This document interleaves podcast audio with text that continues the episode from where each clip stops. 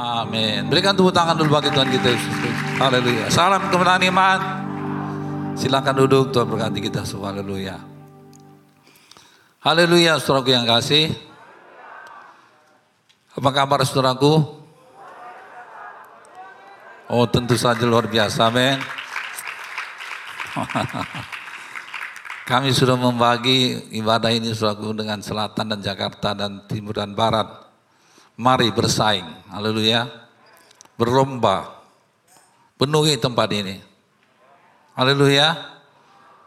Haleluya. Mana lebih bersemangat? Katakan amin. Biarlah orang berkata, aku, aku tiap waktu cabang Jakarta dan cabang Bekasi Selatan, aku bersemangat karena mereka semua orang bersemangat. Haleluya. Haleluya. Mana tepuk tangannya?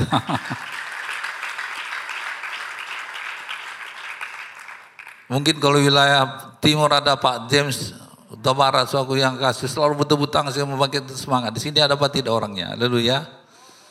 Kalau di sana ada Utah Barat, sini ada Utah Timur. Haleluya. Amin. Oke, baiklah. Memang nampaknya rada kalem.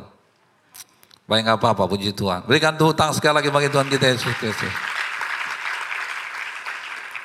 Saudaraku yang kasih, sejari Rabu saya merenungkan firman Tuhan dan mencari kehendak Tuhan. Ya, biasanya saya mulainya hari Kamis, tapi kali ini hari Rabu. Kenapa? Saudaraku yang kasih, saya berpikir ada sesuatu yang khusus Tuhan mau sampaikan kepada kita semua. Amin. Ya, sebelum kita memasuki serial berikutnya, yaitu kitab Dua Raja-Raja Saudaraku yang kasih mengenai Raja Manasye. Saya pikir saudaraku yang kasih, kita perlu kembali lagi mengingat tentang apa yang Tuhan sudah berbuat dalam kehidupan Raja Hizkia. Bukankah Raja Hizkia sudah menjadi berkat begitu luar biasa bagi kita semua? Yang sudah diberkati dalam kehidupan Raja Hizkia katakan saya? Iya. Ada begitu banyak janji Tuhan yang sudah Tuhan ucapkan di sana. Saya pikir ada baiknya kalau kita coba uji Apakah janji itu sudah digenapi itu belum? Amin. Dan saya merasa, dan saya sudah mengalami, janji itu digenapi dalam kehidupan saya.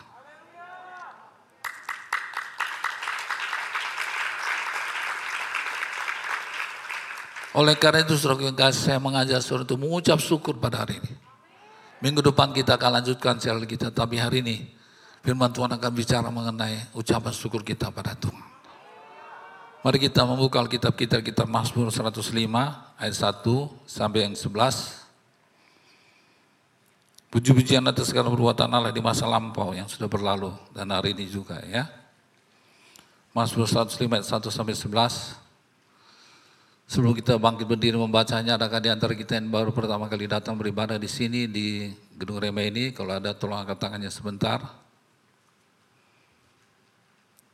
Tidak ada ya, baik. Kalau tidak ada, saya ucapkan selamat bergabung bagi saudara para pemirsa yang baru pertama kali datang atau menyaksikan program ini beribadah bersama kami di channel atau katakan di program Gereja Kemenangan Indonesia ini. Tuhan memberkati saudara semua. Baik, mari kita bangkit berdiri, kita akan membaca dengan bergantian. Saya akan membaca ayatnya yang ganjil, ayat yang pertama. Saudara membaca ayat yang kedua, ada yang genap ayat yang kedua. Demikian bergantian seterusnya sampai terakhir nanti ayat 11. Kita akan membaca secara bersama-sama. Mazmur 105 ayat 1, demikianlah firman Tuhan. Bersyukurlah kepada Tuhan, serukanlah namanya. Amin. Perkenalkanlah perbuatannya di antara bangsa-bangsa. Bernyanyilah baginya, bermasmurlah baginya, percakapkanlah segala perbuatannya yang ajaib. Bermegahlah dalam namanya yang kudus, biarlah bersuka hati orang-orang yang mencari Tuhan. Carilah Tuhan dan kekuatannya, carilah wajahnya selalu. Ingatlah perbuatan-perbuatan ajaib yang dilakukannya, mujizat-mujizatnya dan penghukuman-hukumannya yang diucapkannya.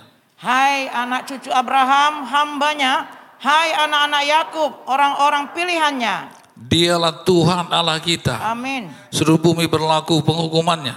Ia ingat untuk selama-lamanya akan perjanjiannya. Firman yang diperintahkannya kepada seribu angkatan. Yang diikatnya dengan Abraham eh, dan akan sumpahnya kepada Isa. Diadakannya hal itu menjadi ketetapan bagi Yakub, menjadi perjanjian kekal bagi Israel. Sama-sama. Firman-Nya kepadamu akan kuberikan tanah kanan sebagai milik pusaka yang ditentukan bagimu. Katakan amin. Katakan haleluya. Haleluya. Silakan duduk. Berikan tepuk tangan yang meriah bagi Yesus Tuhan kita. Salam kemenangan iman. Masalah sebesar apa pun, tantangan sebesar apa pun, sudah saya lalui, sudah saya lewati bersama-sama dengan Tuhan. Dengan iman sekecil apa pun, saya bisa mengatasi masalah dan pergumulan sebesar apa pun juga. Yang sudah mengalami itu berikan tepuk tangan bagi Tuhan kita Yesus Kristus. Ya, surat yang kasih dalam nama Yesus tidak dapat disangkali bahwa hari-hari yang telah berlalu selama lebih kurang satu setengah tahun ini merupakan hari-hari yang begitu mencekam. Betul? Ya begitu mencekam karena virus corona ini telah merenggut begitu banyaknya orang. Ya, ada begitu banyak orang yang kita kasihi, mungkin keluarga kita, teman sahabat kita, bahkan dalam Tuhan, pulang ke sorga. Dan ada begitu banyak orang di sekitar kita yang meninggal dunia karena COVID ini. Betul? Tetapi kita sungguh sangat bersyukur. Memuji Tuhan sesuai janji Tuhan dalam serial firman Tuhan ini. Haleluya. Jemaat gereja ke mana Indonesia tetap terpelihara sempurna dalam kasih karunia Tuhan. Ah rasanya tubuh tangannya terlalu lemas.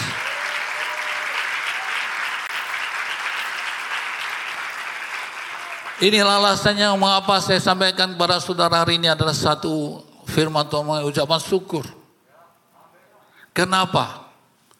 Karena sampai hari ini, haleluya, tidak ada jemaat gereja kemenangan Indonesia Jabodetabek jika cukup itu yang saya gembalakan yang mati karena COVID.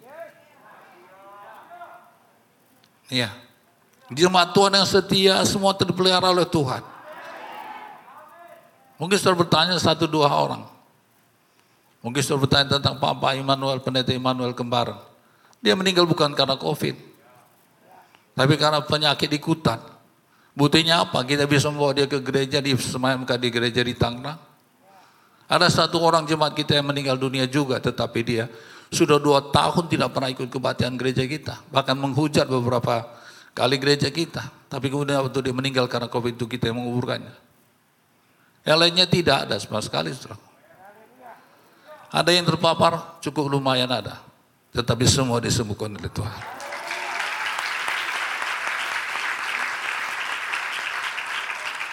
Haleluya.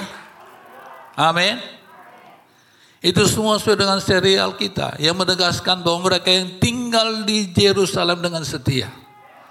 Yerusalem adalah Sion, Sion adalah gereja Tuhan. Tidak bisa dikalahkan oleh Sanherib.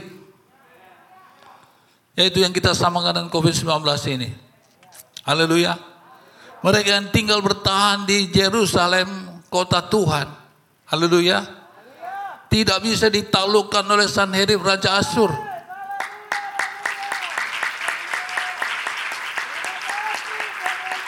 Haleluya. Mari kita lihat kembali kisah itu. Mari kita ingat ini. Supaya berkat ini jangan berlalu begitu saja, saudara. Yang mengerti maksud saya katakan amin. Biar kita ingat dan kita menghitung berkat Tuhan yang sudah kita alami, kita terima.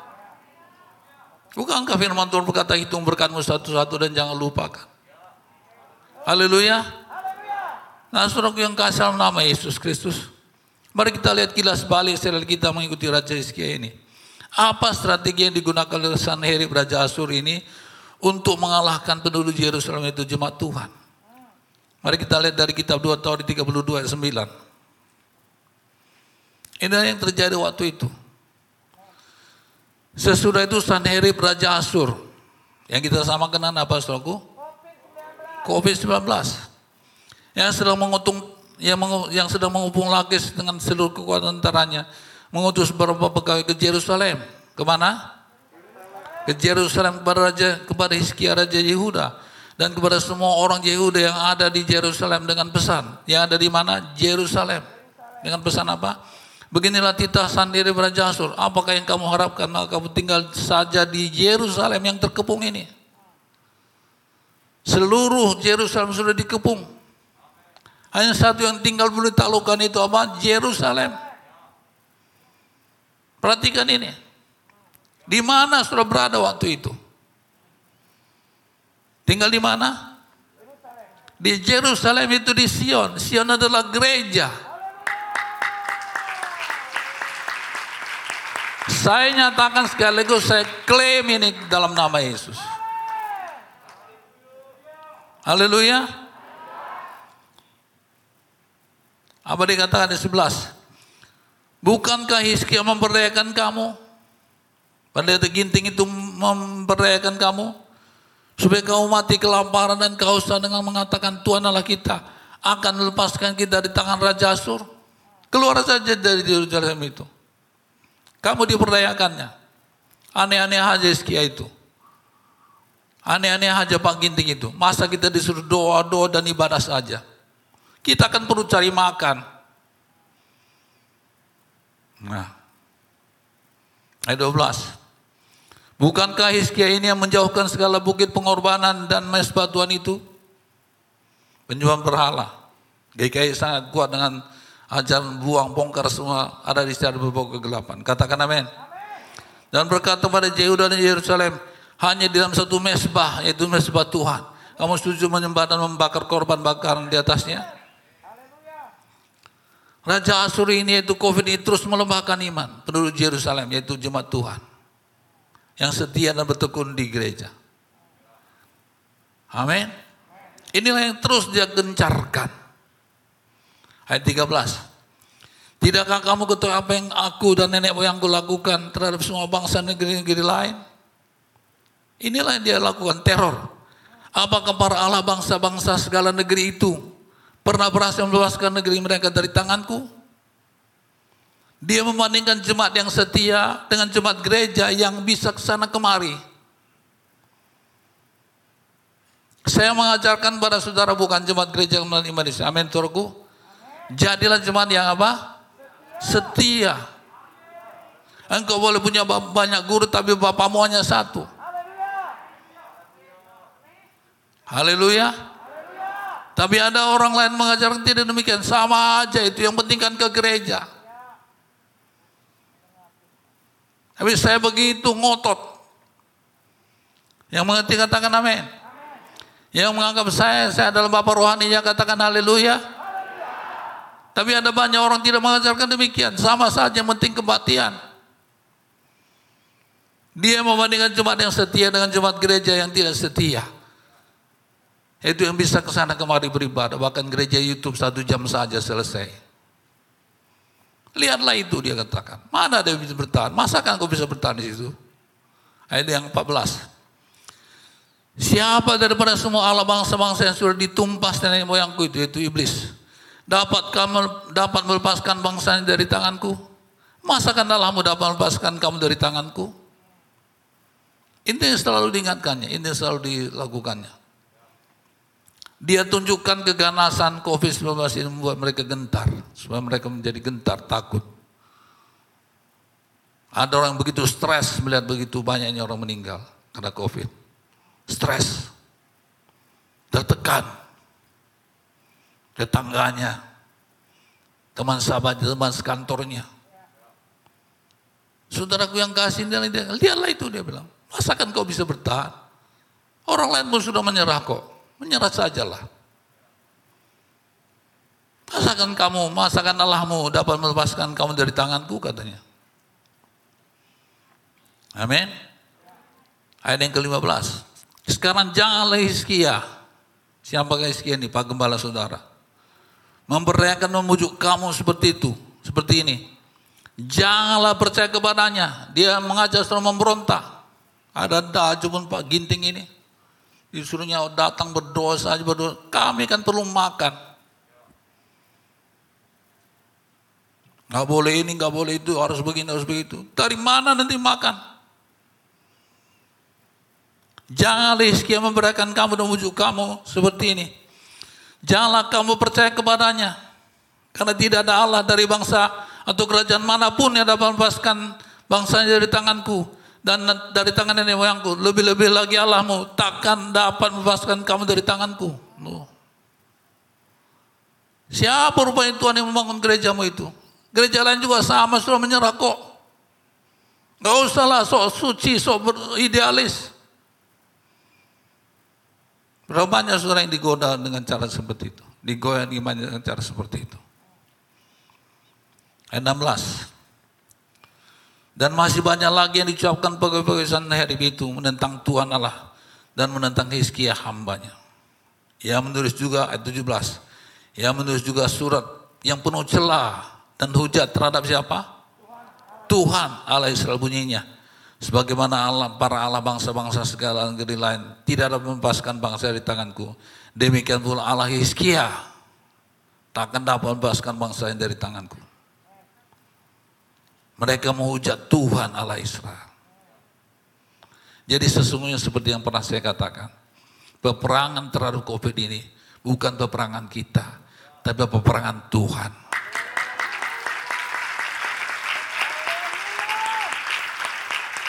Ini bukan peperangan manusia. Kenapa? Kita tidak tahu musuh kita ada di mana.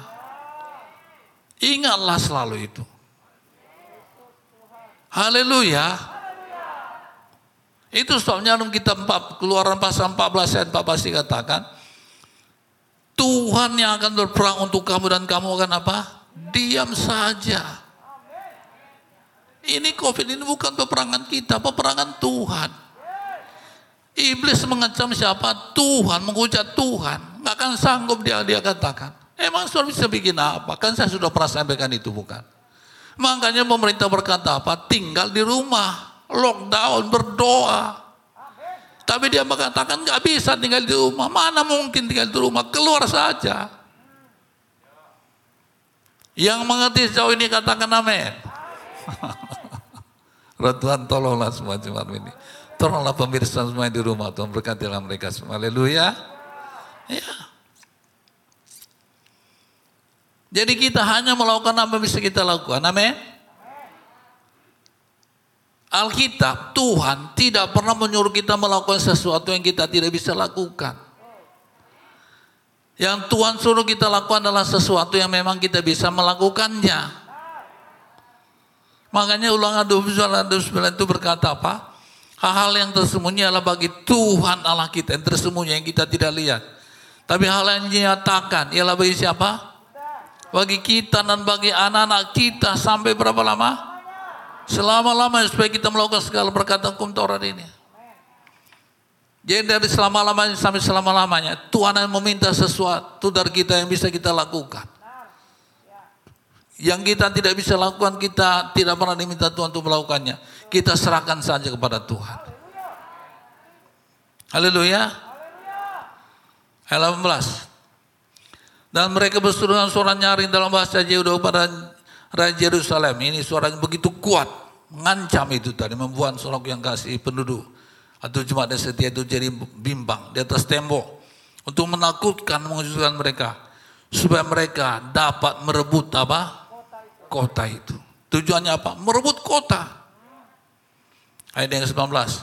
Mereka berbicara tentang Allah Yerusalem, tentang Allah Yerusalem seperti seperti tentang para Allah bangsa-bangsa di dunia adalah buatan tangan manusia. Nah, jadi mereka melakukan itu untuk merebut apa? Kota Yerusalem. Dari sini dapatlah kita mengerti bahwa ibu kota adalah pertahanan terakhir dari satu bangsa. Amin. Sorry ingat Afghanistan, Begitu Kabul ditaklukkan oleh Taliban, maka seluruh negara itu ditaklukkan oleh Taliban. Demikian juga dengan gereja. Haleluya. Bila mana gereja sudah ditaklukkan, seluruh bangsa itu ditaklukkan oleh iblis. Itu sebabnya gereja harus bertahan.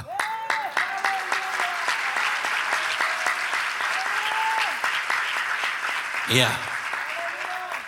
Saya akan hari sampai soal peranan gereja, peranan saudara saya sebagai umat Tuhan. Tanggung jawab saudara saya sebagai umat Tuhan atas bangsa ini. Haleluya. Bila ibu kota sudah ditaklukkan, ibu kota satu negara sudah ditaklukkan, maka seluruh negara itu ditaklukkan. Itulah dia yang terjadi di mana di Afghanistan baru-baru ini bukan. Kabul sudah ditaklukkan, maka apa? Seluruh negeri sudah ditaklukkan. Yerusalem adalah ibu kota Yehuda bangsa Israel. Hanya itu yang bertahan. Kalau Yerusalem sudah ditaklukkan, maka seluruh Yehuda ditaklukkan. Apakah Yerusalem? Yerusalem adalah gereja. Bila gereja sudah ditaklukkan, maka bangsa Indonesia atau bangsa di mana dia berada sudah ditaklukkan. Itu soalnya gereja bertahanlah. Menanglah. Berimanlah. Haleluya. Amin. Jangan goyah. Kita tahu bahwa gereja itu bukan gedungnya, bukan? Gereja itu adalah apa? Kumpulan orang percaya. Saudara ingat Sodom dan Gomora? Amin. Kalau ada 10 orang saja orang benar di kota itu, maka Tuhan tidak akan menghanguskan atau membinasakan kota Sodom dan Gomora. Jadi saudara yang bertanggung jawab atas bangsa ini. Kita yang bertanggung jawab atas bangsa ini. Haleluya.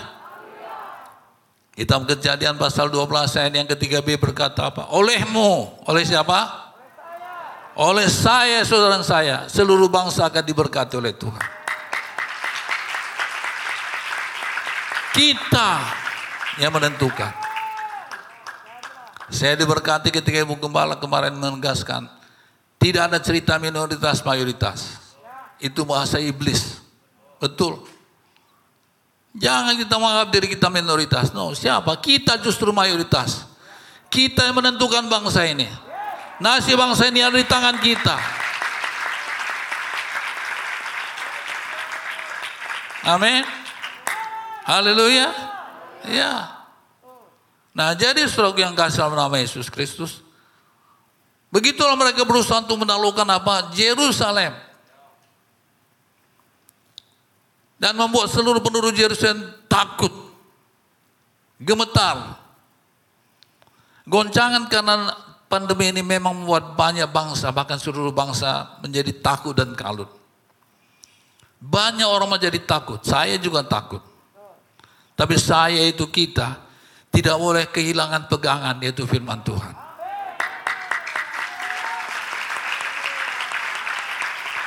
Takut itu mesti buat kita berjaga-jaga. Haleluya. Apa firman Tuhan kita pegang? Bahwa Tuhan kita sembah adalah Tuhan yang apa? Berencana. Mereka katakan, Tuhan yang saya sembah adalah Tuhan yang berencana. Rencananya begitu luar biasa bukan? Masa depan yang apa? Penuh pengharapan. Yeremia 29 11 bukan? Nah, strong yang kasih dan apa? Ayub 42 yang kedua dikatakan rencana Tuhan apa? Tidak pernah gagal. Haleluya. Ayub 42 yang kedua, aku tahu bahwa engkau sanggup melakukan segala perkara, segala sesuatu. Dan apa? Tidak ada rencanamu yang gagal.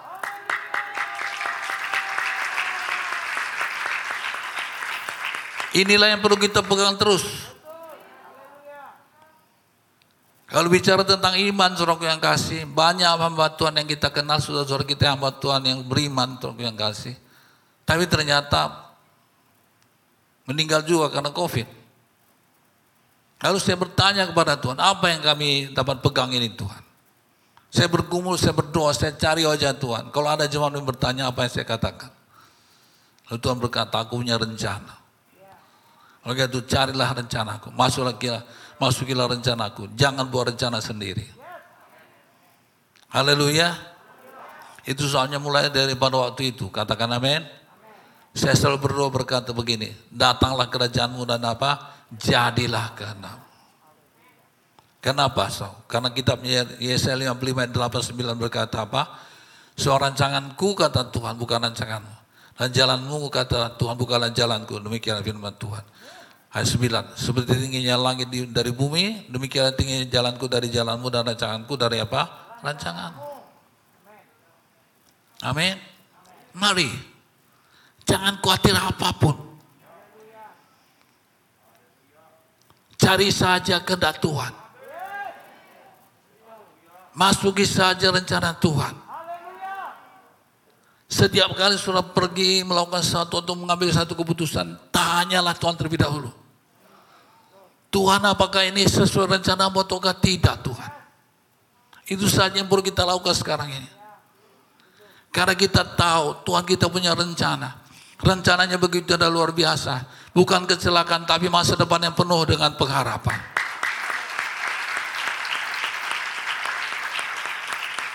Haleluya. Haleluya. Bukankah Tuhan Yesus juga mengajar kita berdoa agar apa? Matius 6 ayat yang ke-9.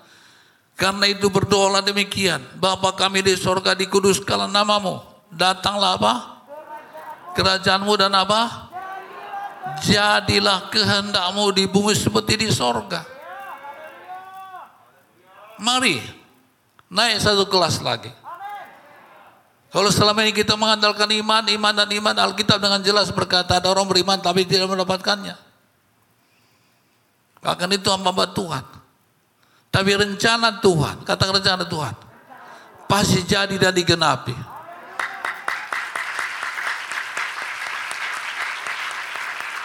Dan rencana Tuhan itu begitu indah luar biasa. Masa depan yang apa? Penuh harapan, bukan rancangan kecelakaan. Itu soalnya mari cari kehendak Tuhan, cari rencana Tuhan. Jangan buat rencana sendiri. Bahkan jangan rendahkan diri dan berkata, enggak usah lakuin begini saja cukup. No. Tuhan berkata engkau jadi kepala bukan jadi ekor. Kalau Tuhan sudah kasih lima talenta, kerjakan lima talenta. Dua talenta, dua talenta. Tiga talenta, tiga talenta. Satu talenta, satu talenta. Katakan amin. Haleluya. Berikan tepuk tangan untuk bagi Tuhan kita Yesus. Jadi kalau kita berdoa mulai hari ini, katakan amin.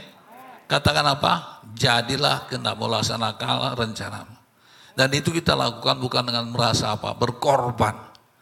Itu kita sampaikan kepada Tuhan dengan apa? Kerinduan yang sangat besar supaya itu sungguh-sungguh terjadi. Kenapa? Kita mengerti rencana Tuhan jauh lebih indah pada rencana kita. Haleluya saudaraku. Lalu apa yang terjadi sudah ancaman itu? Mari kita lihat kembali dari 2 Tauri pasal 32 dan 20. Setelah diancam begitu rupa apa yang terjadi? Tetapi oleh karena itu Raja Iskia dan Nabi Yesaya bin Amos berdoa dan berseru kepada sorga. Setelah begitu rupa karenanya suraku serius akibatnya apa yang terjadi waktu itu apa Bapak Jokowi mengundang seluruh tokoh-tokoh agama untuk apa? berdoa bersama-sama. Amin. Nah, yang kasih, mereka berdoa bersati meminta berkat pertolongan daripada Tuhan. Nah, hal-hal seperti inilah saudara yang kasih. Yang terkadang saudara yang kasih membuat Tuhan terpaksa memperkenankan satu masalah terjadi dalam hidup manusia. Dalam kehidupan kita itu apa? Tuhan berkenankan ada masalah. So, dalam masalah itulah maka umatnya datang kepada Tuhan. Yang mengerti katakan amin. Amin saudaraku.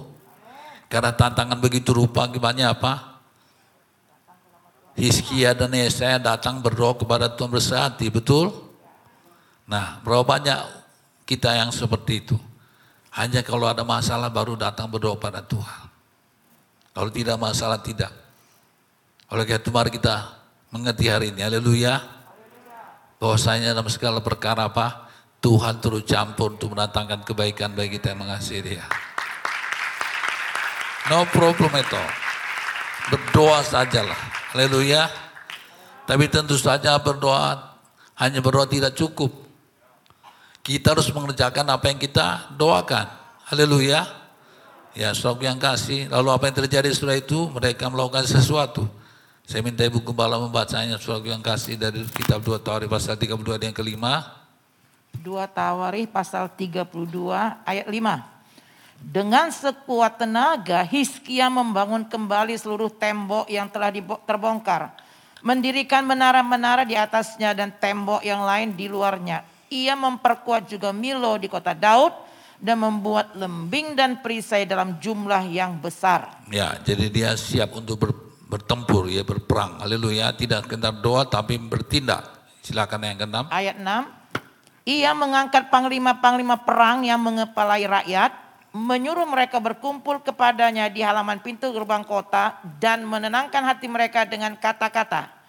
Kuatkanlah dan teguhkanlah hatimu. Janganlah takut dan terkejut terhadap Raja Asyur serta seluruh laskar yang menyertainya. Karena yang menyertai kita lebih banyak daripada yang menyertai dia.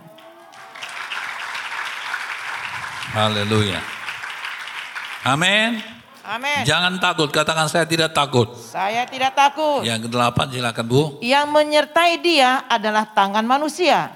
Tetapi yang menyertai kita adalah Tuhan Allah kita yang membantu kita dan melakukan peperangan kita.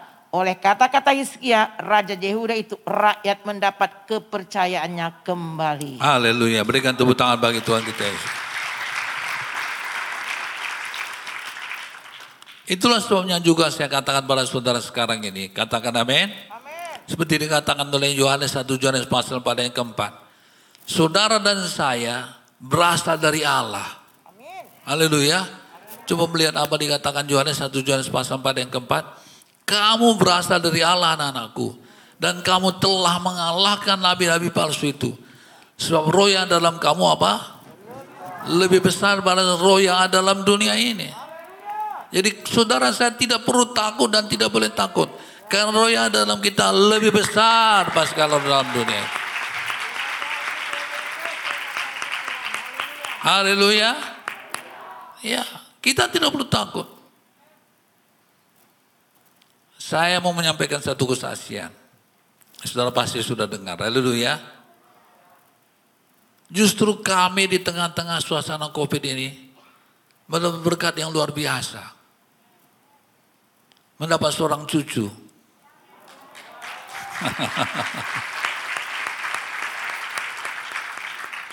Saudara mungkin masih ingat bagaimana kesaksian kami, khususnya kesaksian Nananda, Yosef dan Grace istrinya anak saya, saudaraku.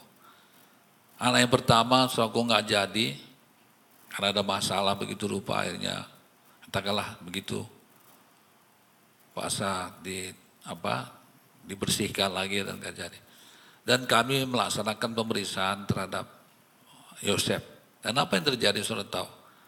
Sperma Yosef ini, saudaraku, menantu saya ini, 99 persen nggak aktif, hanya satu persen yang aktif. Hanya satu persen kemungkinan punya keturunan. Begitu ya Bu ya. Berapa persen? Hanya satu persen. Itulah hasil laboratorium. Tapi waktu saya dengar kabar saya katakan pasti Tuhan kasih tenaga. Kita percaya Tuhan punya rencana. Dan apa yang terjadi? Grace akhirnya hamil. Dan satu persen itu jadi.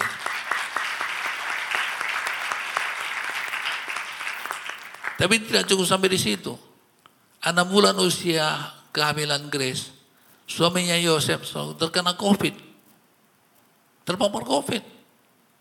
Positif. Tapi Grace tetap terpelihara oleh Tuhan. Selama tiga minggu Yosef ada di atas itu. Di isolasi mandiri. Bayangkan so. Dan kemarin tanggal 9 bulan 9. Vincent Daniel Purba sudah dilahirkan oleh Tuhan.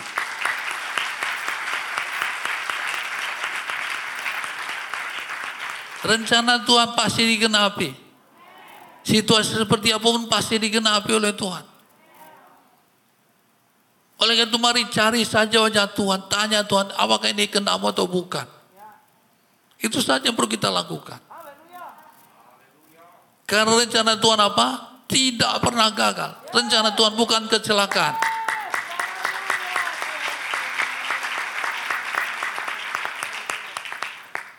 Nah, dan seperti yang kita sudah dengar, haleluya.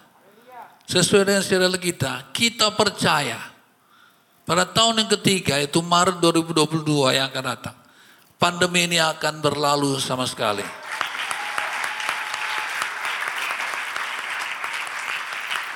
Waktu saya sampaikan ini kan suraku yang kasih kondisi masih begitu suraku kalut. Nggak ada yang berani menaksir menafsirkan bahkan menubuatkan kapankah COVID ini akan berlalu. Tapi berdasarkan serial saya katakan, haleluya, nanti tahun yang ketiga COVID ini akan berlalu. Dan yakinkah melihat kondisi sekarang ini, yakinkah sudah bahwa hal itu betul-betul akan terjadi? Mana tepuk tangannya? Ya. Tahun ketiga itu kapan? Suatu bulan Maret tahun 2022.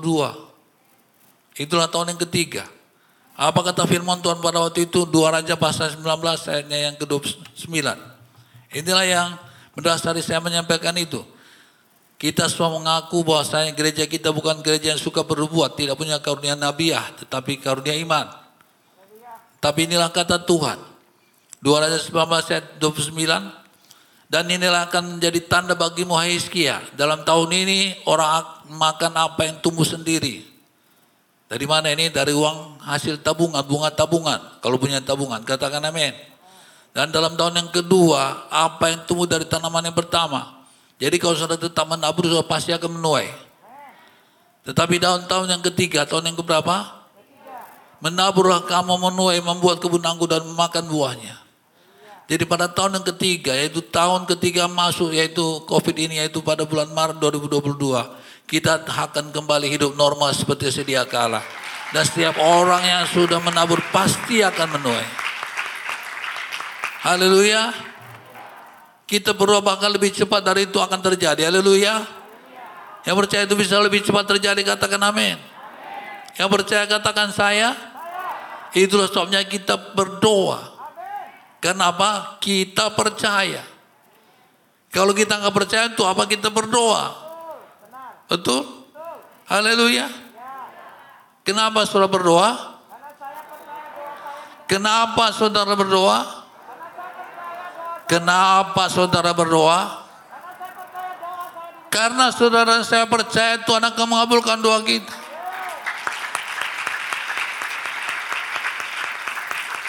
Percayakah bahwa Tuhan bisa lakukan lebih cepat dari apa yang kita minta?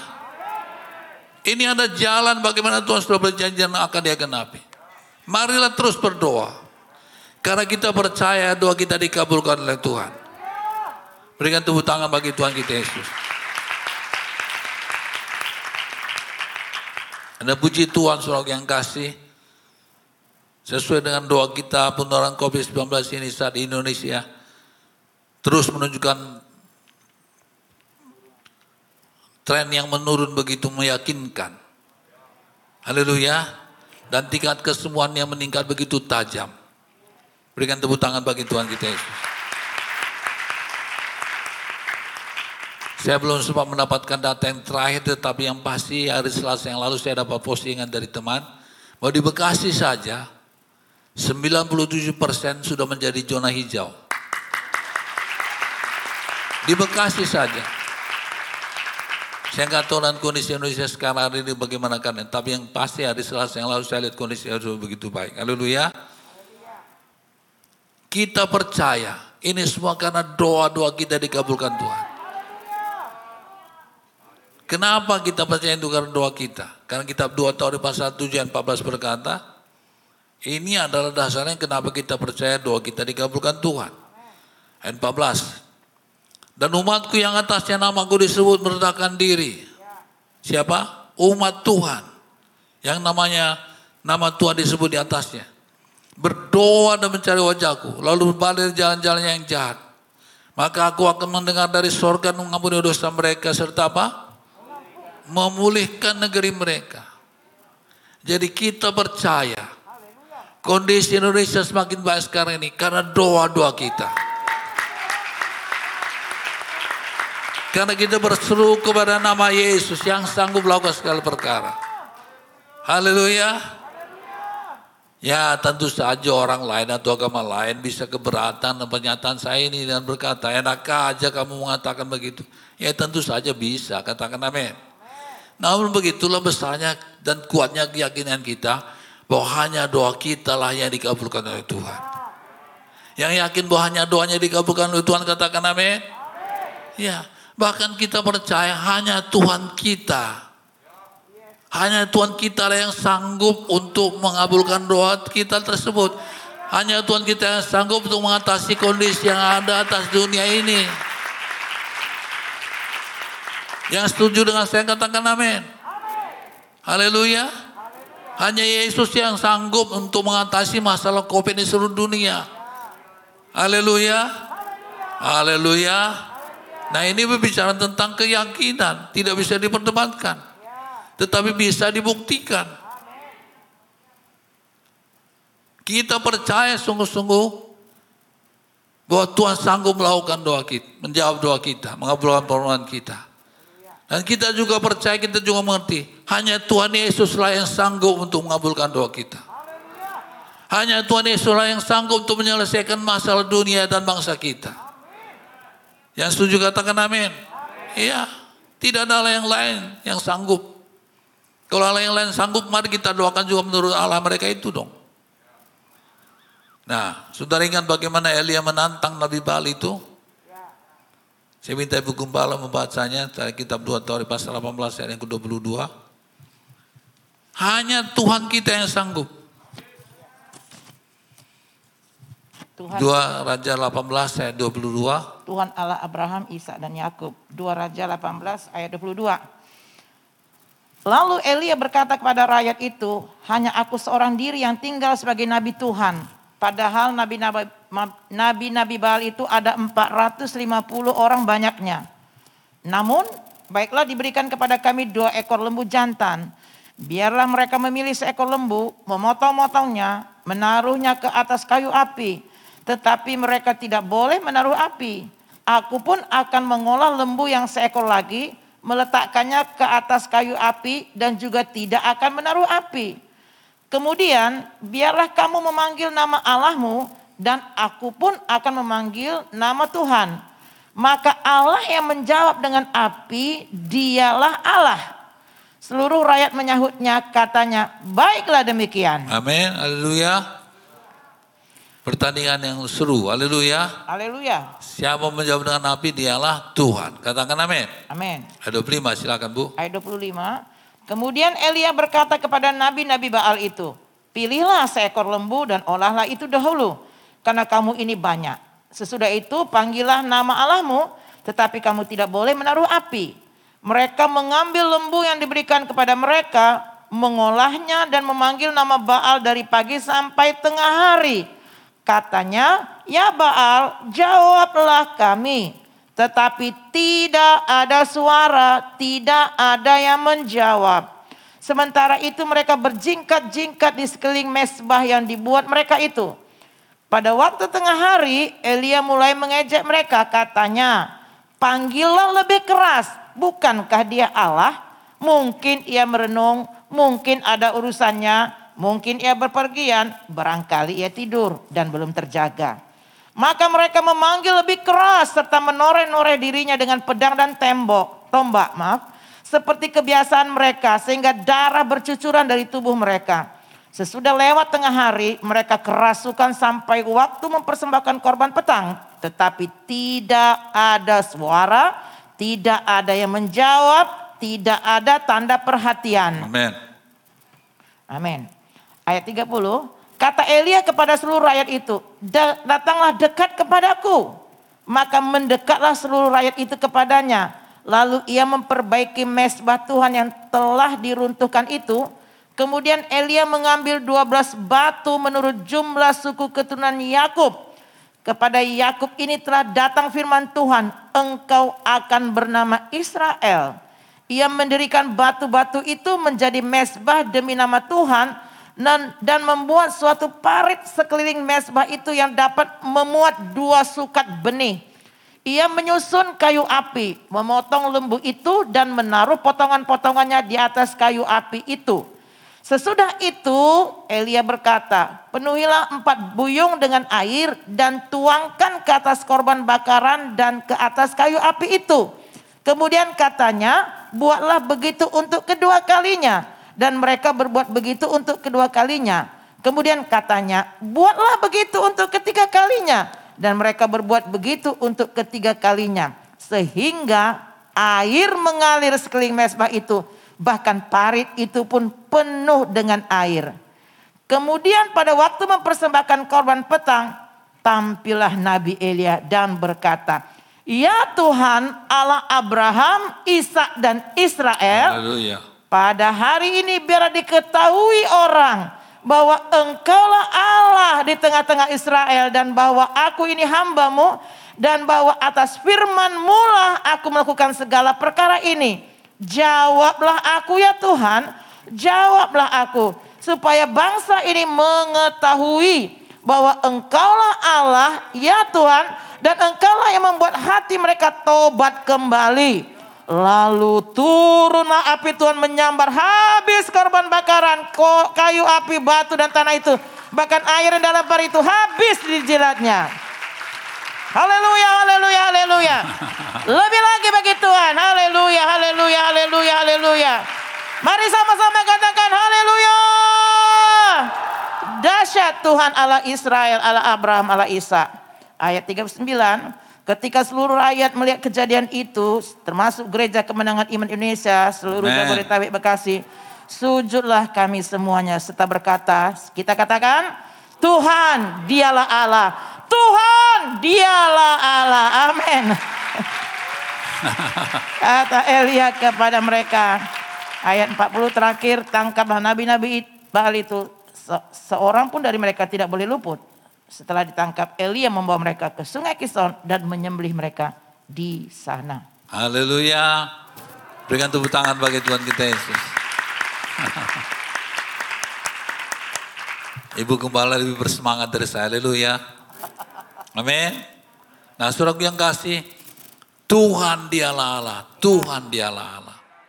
Yesus dialah Tuhan. Yesus dialah Tuhan. Terbukti. Haleluya. Dikatakan di sini mereka menangkap nabi-nabi Bali itu dan menyembelih mereka di sana. Itu dulu main sembelih-sembelihan. Amin. Sekarang tidak boleh. Haleluya. Agamamu, agamamu, agamaku, agamaku. Haleluya.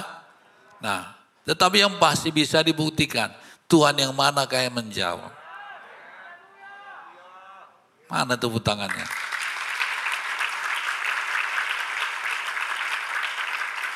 Coba saudara cari kembali. Haleluya. Haleluya. Di Youtube barangkali masih ada doa yang dipanjatkan bersama-sama tokoh-tokoh agama pada waktu itu. Coba cari.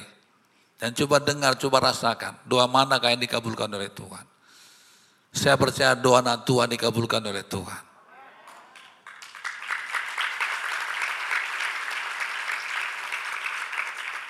Jadi demikianlah kuatnya keyakinan kita bahwa hanya Tuhan kita lah. Katakan Tuhan saya lah. Katakan Tuhan salah, saya lah.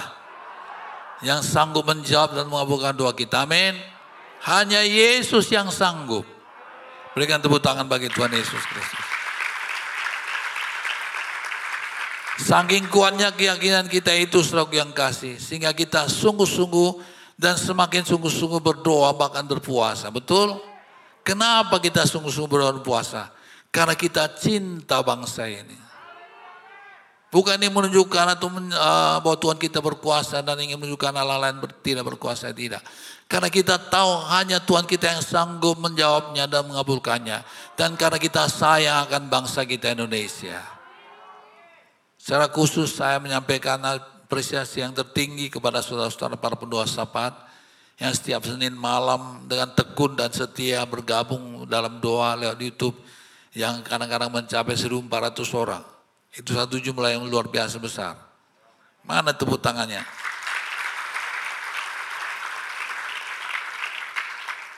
Seribu empat ratus orang berdoa itu bukan jumlah sedikit loh. Ketika teman-teman saya para pendeta mengetahui jumlah ini mereka berkata, wow banyak sekali pak. Saya bilang memang jemaah saya suka berdoa pak. Kesukaannya memang berdoa pak. Kami ada seperti sekarang ini pun karena doa juganya pak. Tapi 1400 banyak loh. Ya banyak saya bilang. Haleluya. Kalau gitu mari terus berdoa. Haleluya. Teruslah berdoa. Berikan tepuk tangan bagi Tuhan. Tetaplah berdoa. Haleluya. Keadaan sudah makin baik dan akan terus makin baik. Yang percaya katakan amin. Nah, dan menanggapi keadaan ini, keadaan yang semakin baik ini, pemerintah meminta kita, yaitu masyarakat, agar tetap disiplin melaksanakan protokol, protokol kesehatan dengan taat, dengan ketat. Itu memang harus, haleluya. Kenapa? Supaya kita jangan lengah, tapi tetap berjaga-jaga. Itu sesuai dengan prinsip Alkitab yang mengatakan, bagaimanapun keadaan kita, katakan bagaimanapun keadaan saya. Saya harus tetap berdoa. Doa tidak boleh dikurangi. Sudah dijawab doa kita, ataupun belum, kita harus tetap berdoa. Haleluya. Doa itu sifatnya selalu akan tetap dan akan masih kurang. Itu sifat doa. Kita nggak pernah akan cukup untuk berdoa. Itu soalnya dalam kitab 1 Tesalonika pasal yang kelima dan ke-17 firman Tuhan berkata apa? Tetaplah berdoa, teruslah berdoa. Jangan kurangi doa. Haleluya. Haleluya sudah kita dapatkan hasilnya pun kita masih terus harus tetap dalam sikap berdoa. Haleluya. Demikian juga dengan berjaga-jaga. Firman Tuhan berkata kita harus tetap berjaga-jaga. Satu Petrus pasal 5 yang ke-8. Satu Petrus pasal 5 yang ke-8. Sadarlah dan berjaga-jagalah. Lawanmu si iblis Berjalan keliling sama seperti singa, bukan singa tapi seperti singa. Yang mengaum-ngaum dan mencari orang yang apa? Dapat ditelannya. Haleluya. Jadi ada sosok yang kasih, haleluya. Dapat ditelannya, ada yang tidak dapat ditelannya. Dan dikatakan di sini sosok yang kasih si iblis itu berjalan keliling sama seperti singa. Nah sosok yang kasih Bagaimanapun juga menurut ilmu kedokteran nampaknya COVID-19 ini sudah ada di sekitar kita dan tetap akan ada. Dia mungkin tidak akan lenyap. Nggak tahu lah saya apakah betul seperti itu atau tidak. Tapi yang saya dengar, saya baca demikian. Jadi sama dengan penyakit flu, cacar, kusta dan lain-lain itu tetap ada. Tapi dia sudah dapat diatasi dengan vaksin dan obat flu biasa. Penyakit cacar bisa disembuhkan dengan vaksinasi. Dan penyakit-penyakit yang lainnya, kusta juga demikian. Yang ngerti maksud saya katakan amin. Haleluya. Itu sebabnya bagi saudara yang belum ikut vaksin, vaksinlah. Haleluya. Saya kalau boleh tiga kali, tiga kali. Nanti saya tanya lagi dok, satu kali sudah. Tapi mungkin ada yang kedua dan ketiga, saya akan mau lakukan itu. Katakan amin. Haleluya. Dikatakan tadi suatu apa?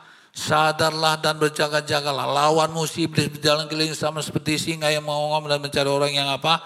Dapat ditelannya. Jadi ada yang dapat ditelannya dan ada juga yang tidak dapat ditelannya. Siapa yang tidak bisa ditelannya? Itu mereka yang terus berdoa dan berjaga-jaga. Haleluya. Virus ini mungkin juga akan berkembang menjadi varian yang lebih serius dia katakan, varian Delta dan lain-lain yang katanya lebih ganas dari virus yang ada sekarang ini. Entah benar atau tidak, tapi apa kata Tuhan ayat yang ke-11, 9. Kitab 1 Petrus pasal 5 tadi. Lawanlah dia dengan iman yang teguh. Soal kamu bahwa semua saudara seluruh dunia menanggung penderitaan yang sama. Jadi kita harus hidup dengan iman. Haleluya. Seiring dengan hal tersebut Tuhan pasti akan buka jalan. Pasti Tuhan akan berikan juga suatu jalan keluar yaitu dengan temukannya obat-obatan dan seterusnya. Kenapa? Karena pada dasarnya Tuhan sungguh sangat mengasihi bangsa ini. Tuhan sungguh sangat mengasihi dunia ini. Firman Tuhan berkata karena begitu besar kasih akan dunia ini sehingga dikaruniakan yang tunggal. Sehingga siapa yang percaya pada yang tidak binasa melainkan hidup yang kekal. Haleluya. Nah, stok yang kasih nama Yesus Ketika Tuhan menciptakan manusia, menciptakannya begitu mulia, seperti ada segambar dengan dia. Betul? Dia ingin lewat hidup kita dan mati kita, nama Tuhan dimuliakan. Dengarkan ini. Istilahnya, suatu tidak dikuburkan begitu saja. Bukankah sekarang ini suatu yang kasih penguburan orang karena COVID itu begitu rupa? Orang istilahnya apa? Maafkan saya suatu orang berkata seperti kucing saja ya kan. Ya masih dengar katakan amin. Itu tidak dimaksudkan Tuhan demikian. Bahkan apa kata Paulus? Coba kita lihat ini, Filipi 1 ayat yang ke-20. Terutama kita yang sudah dalam dia. Haleluya. Ayo kita baca sama-sama yuk. Ayat yang ke-20 Filipi pasal 1, 2, 3, ya. Sebab yang sangat kurindukan dan kuharapkan, ya Allah bahwa aku dalam segala hal tidak akan beroleh malu, melainkan seperti sedia kala. Demikian pun sekarang, Kristus dengan nyata dimuliakan dalam tubuhku, baik oleh hidupku maupun oleh matiku. Yang mengerti katakan amin. Ini rencana Tuhan. Inilah maksud Tuhan. Apakah saudara mendapatkan pengertian baru di sini? Yang mendapat katakan saya? Iya. Tuhan mau melalui hidup kita dan mati kita nama Tuhan Yesus dimuliakan. Ingatlah setelah seperti yang saya ajarkan kepada saudara, semua yang buruk bukan daripada Tuhan. Yang dari Tuhan semuanya baik.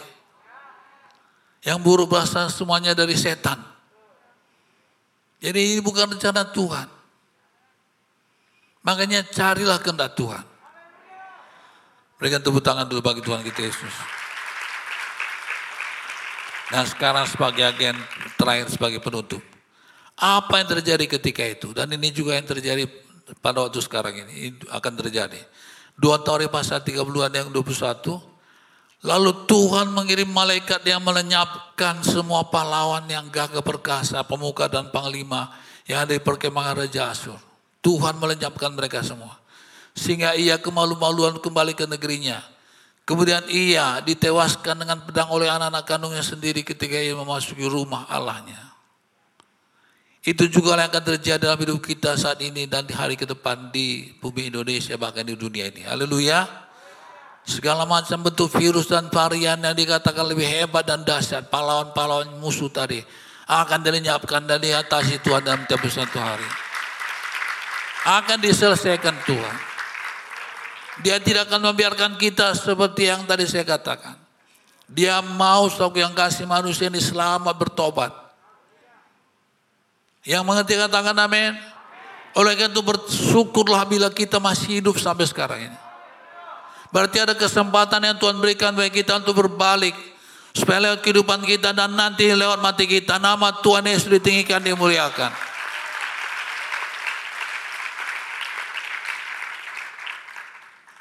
Demikianlah Tuhan menyelamatkan 22. Demikianlah Tuhan menyelamatkan Iskia dan apa siapa? Dan siapa? Ayo dong aktif. Siapa? Penduduk Yerusalem. Siapa penduduk Yerusalem ini? jemaat yang setia, katakan amin. Demikianlah Tuhan menyelamatkan Hizkia dan penduduk Yerusalem dari tangan Sanherib Raja Surya itu COVID-19. Dan dari tangan semua musuh-musuhnya. Dan dia mengaruniakan keamanan kepada mereka di segala penjuru. Ini yang akan terjadi ke depan. Ini akan terjadi ke depan. Di mana mereka diberkati dan diselamatkan? Di Jerusalem. Di mana saudaraku? Di Sion. Di mana saudaraku? Di gereja. Jadilah jemaat yang setia. Bertahanlah. Kalau saudara sudah menabur, saudara pasti akan menuai. Di mana saudara menabur, di situlah saudara akan menuai. Jangan bodoh saudaraku. Jangan bodoh, jangan mau rugi saudaraku. Kalau saudara sudah menabur, saudara pasti menuai. Jangan tinggalkan taburan saudara. Haleluya. Haleluya. Berikan tepuk tangan bagi Tuhan kita Yesus. Apa kata Tuhan tentang Yerusalem? Mazmur 76 ayat kedua dan tiga. Di Salem, yaitu Yerusalem, sudah ada pondoknya dan kediamannya di Sion di gereja. Ayat yang ketiga, yang ketiga, yang ketiga, haleluya. Sama-sama kita baca dua tiga ya. Di sanalah dipatahkannya panah yang berkilat, perisai dan pedang dan alat perang. Haleluya. Di mana dipatahkan Tuhan serangan atas diri kita suku di Jerusalem. Dikatakan apa suku? Panah yang berkilat, perisai dan pedang dan alat perang. Ketika kita tinggal di mana? Di Jerusalem, di Sion. Seperti saya katakan tadi, suatu orang yang tinggal dan tetap setia di Sion di, gereja, bukan saja akan suatu terpelihara, aman, tetapi akan diberkati Tuhan. Perhatikan apa yang terjadi sudah COVID-19 ini, yaitu apa yang terjadi sudah kekalahan daripada Sanerik tadi. Dua tahun di pasal 32 23, ini yang terjadi. Ini yang akan terjadi ayat 23. Dua tahun 32 ada yang 23. Ya kita baca sama-sama yuk. Yang mau diberkati baca sama-sama. Yang di rumah juga demikian. Dua, tiga, ya. Banyak orang membawa persembahan ke Yerusalem untuk Tuhan dan barang-barang berharga untuk Hizkia Raja Yehuda. Sejak itu ia diagungkan oleh semua bangsa.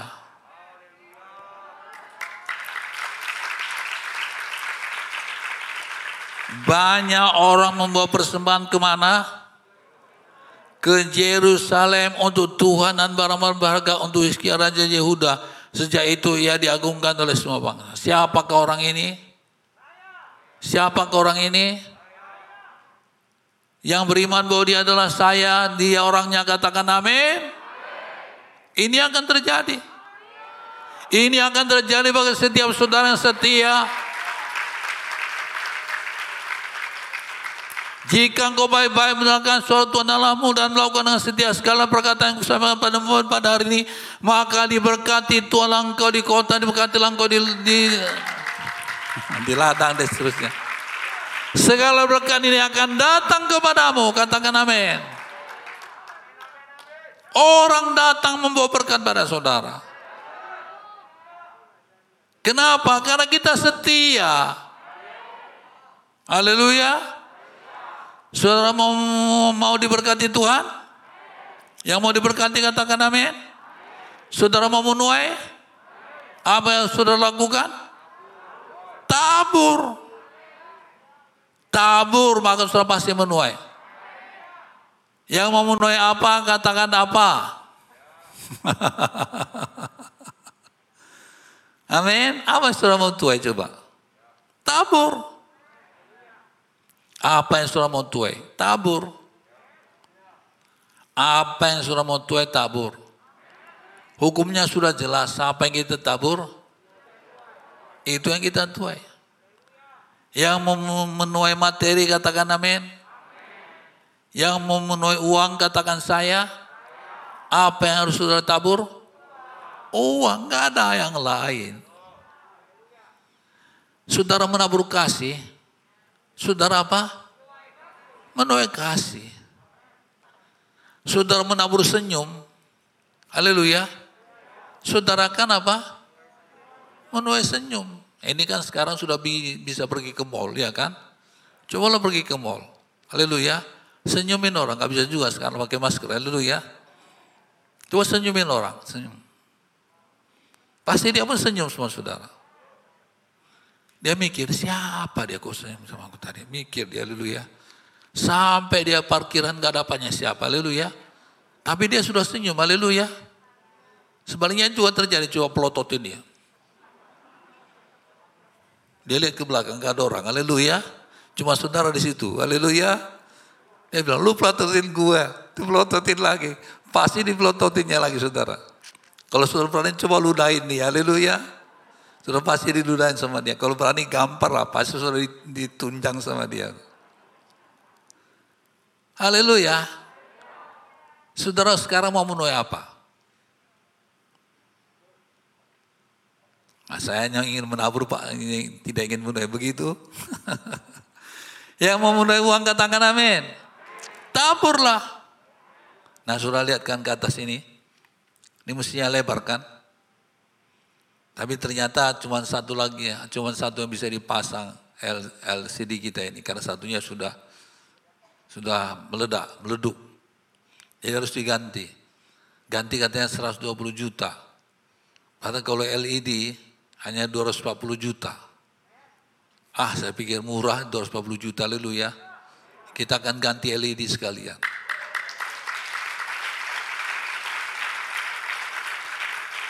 Nah, mungkin orang berkata, suatu masanya sekarang kan PPKM Pak, susah uang di gereja apalagi. Persembahan kurang. Enggak tuh. Persembahan jemaat gereja kemenangan Indonesia terus bertahan, bahkan ada bertambah kok.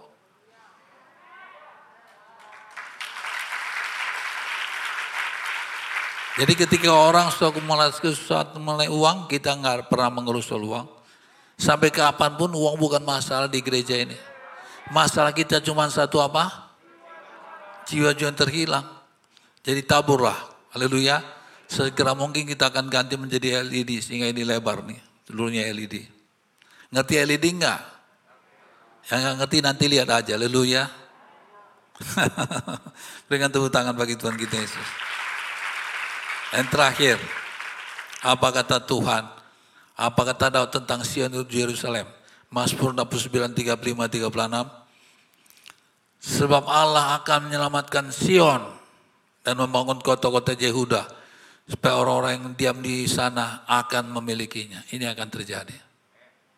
Anak cucu hamba-hambanya akan mewarisinya dan orang-orang yang mencintai namanya akan diam di situ. Apa luar biasanya ini? Haleluya. Kita juga sudah mengerti bahwa Sion yang ada yang ada di Yerusalem itu bukan saja akan diduduki tapi akan diberkati oleh Tuhan. Mari kita baca suatu dengan bergantian ya. Haleluya. Ayat 13 sampai 18 Mazmur 132. Sudah itu kita akan berdoa. Haleluya. Saya baca 132 Mazmur ayat 13. Saudara baca dengan Ibu Gembala 14. Ayat 13 saya baca demikian firman Tuhan. Sebab Tuhan telah memilih Sion yaitu gereja. Mengingininya menjadi tempat kedudukannya. Inilah tempat perhentianku selama-lamanya di sini aku hendak diam sebab aku mengingininya. Perbekalannya akan kuberkati dengan limpahnya. Amin, amin, amin. Orang-orangnya itu jemaatnya yang miskin akan kukenyangkan dengan roti. Amin. Imam-imamnya akan kukenakan pakaian keselamatan dan orang-orangnya yang saleh akan bersorak-sorai dengan girang. Di sanalah itu di gereja, aku akan menumbuhkan sebuah tandu bagi Daud. Hmm. Aku akan menyediakan sebuah pelita bagi orang yang kurapi. Sama-sama dua tiga ya. Musuh-musuhnya akan kukenakan pakaian penuh malu, tetapi, tetapi di atas kepalanya akan bersemarak mahkotanya. Haleluya. Inilah berkat Tuhan bagi kita semua, saudara. Diberkati Tuhan saudara para pemirsa sekalian. Jadilah jemaat yang setia. Tekunlah berdoa. Taburlah maka engkau akan menuai. Tuhan Yesus memberkati kita semua. Haleluya. Mari kita bangkit berdiri. Haleluya.